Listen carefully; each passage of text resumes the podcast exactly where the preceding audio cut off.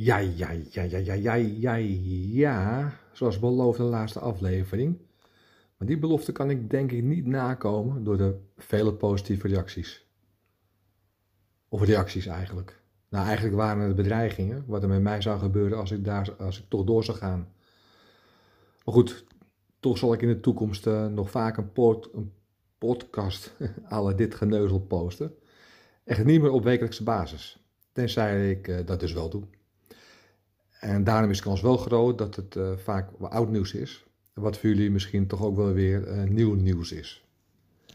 Of zoiets. Maar goed, de Orange Lions, het Nederlandse vrouwenbasketbalteam, heeft het EK misgelopen door de laatste wedstrijd te verliezen van Slovenië bedoeling van basketbal is om de bal door de ring en het netje te gooien. Dat lukte de Orange Lions net niet. Helaas vissen ze achter het net. Ondanks het goede verdedigen en een laatste poging door press te spelen, kropen ze niet door de mazen van het net. Vooraf dichten de Orange Lions zich grote kansen toe, maar ja, we weten allemaal, roep geen haring voor hij in het net is. Mike Foppen heeft het 18 jaar oude NL-record op de 3000 meter verbeterd. Zijn tegenstanders hadden hun strijdplan op Mike gericht, maar die liet zich niet foppen.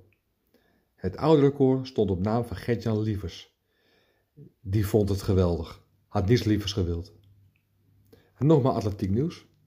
Femke Bol heeft het goed gedaan op de 400 meter horde. Voor zij tot die prestatie kwam, moesten nog wat uh, hordes genomen worden. En uh, ja, slechter worden. Nou, ik denk dat ze nog wat slechter worden. Uh, de Nederlanders hebben weer met bobsleeën meegedaan. Een paar weken geleden kregen ze veel aandacht omdat ze in plaats van bobsleeën aan de kopsleeën waren. Na een paar bochten vervolgden ze hun tocht ondersteboven. En dat was een akelig gezicht, maar ze brachten het er goed vanaf en daar waren ze toch wel ondersteboven van. En voor de schaatsers die de marathon op natuurijs wilden rijden, was een teleurstelling dat de regering hier een streep doorzette. De marathonrijders dachten nog wel een streepje voor te hebben bij de regering, maar die zetten er dus een streep onder. Zelfs de ingehuurde Amerikaanse actrice Meryl Streep kon het niet voor elkaar krijgen. um, vorige week, overigens, ja, was er veel sneeuw, maar dat verdween als sneeuw voor de zon. Er waren bij de weken afstanden schaatsen in de Tialf veel records gereden en dat voor een lage baan. Nu blijkt dat de schaatsers een duwtje in de rug hebben gekregen door de luchtroosters van Tialf. Deze waren opengezet in de rijrichting van de, uh, van de schaatsers.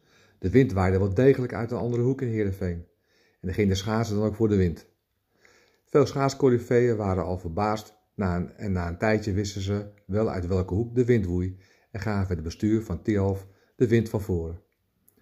Het bestuur sloeg de beschuldigingen in de wind. Tja, hoe dit zal aflopen?